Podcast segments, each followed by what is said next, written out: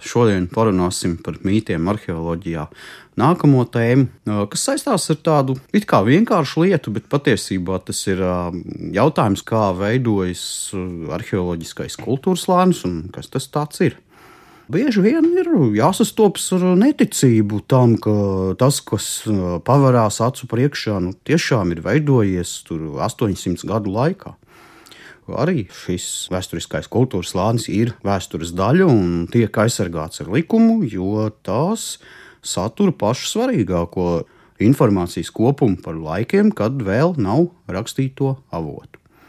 Vietās, kur zemē nav jauno laiku pārakumu, viss cilvēka, ja tā var teikt, saražotais pamazām nogulsnējas. Īpaši strauji grunts līmenis auga vietās, kur Tolaik bija kādas ieplakas, tās savā veidā aizauga pirmās.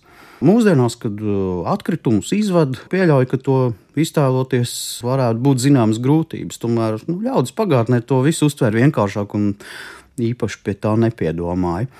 Savukārt arheologiem šis atstātais mantojums ir uh, unikāla iespēja uzzināt par tiem pagātnes aspektiem, par ko nu, nav mums tādu skaistu rakstītu avotu, kur viss jau ir uzrakstīts priekšā. Piemēram, nu, salīdzinot rakstītos avotus ar arheoloģiskiem avotiem, vienam ir savi plusi, otram savi mīnusi. Rakstītie avoti pagātnī padara tādu nu, individuālāku, bet tie ir subjektīvi, jā, jo autors var kaut ko mazliet piedzīvot. Savukārt arheoloģiski avoti ir objektīvi, bet ir diemžēl atkarīgi no pētnieka, kā viņš tos interpretē, jo paši viņi nu, neko pastāstīt nevar.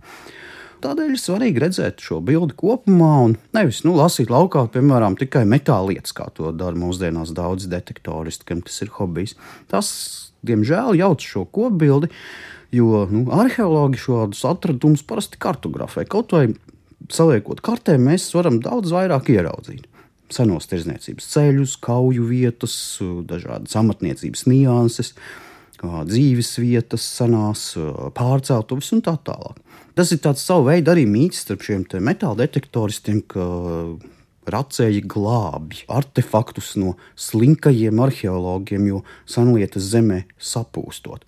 Nu, pirmkārt, tehniski tās ir blēņas, un no otras puses, nav jēgas, nav nozīmes fiziski izrakt visu mantojumu, ja nav apstākļi restaurācijai. Turklāt mēs nezinām, kādas zinātniskās metodas būs nākotnē. Un, Nu, es domāju, ka arī visu šodienu, to, pēc 200 gadiem, mums liksies pilnīgs barbarisms. Tāpat kā mēs šodien ar šausmām skatāmies uz 19. gadsimta metodēm.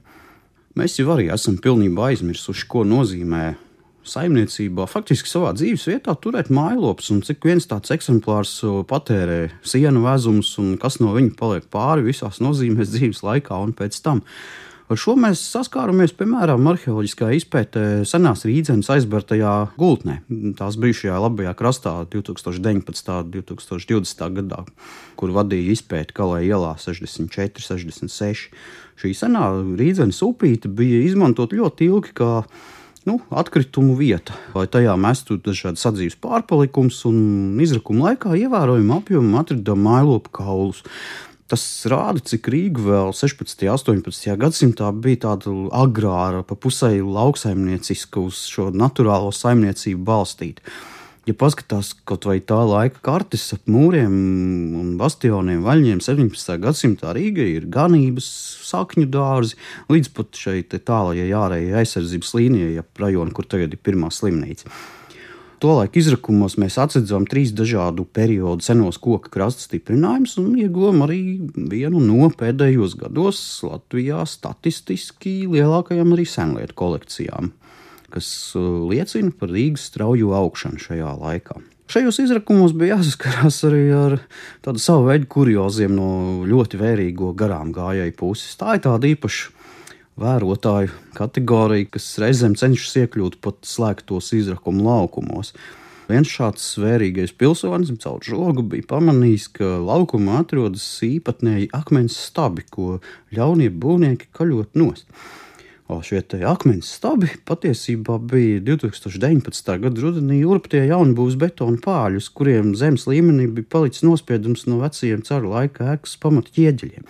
Nākamais solis saistībā ar vērīgajiem garām gājējiem un mītiem arheoloģijā ir no sērijas Tur taču mēris klāt.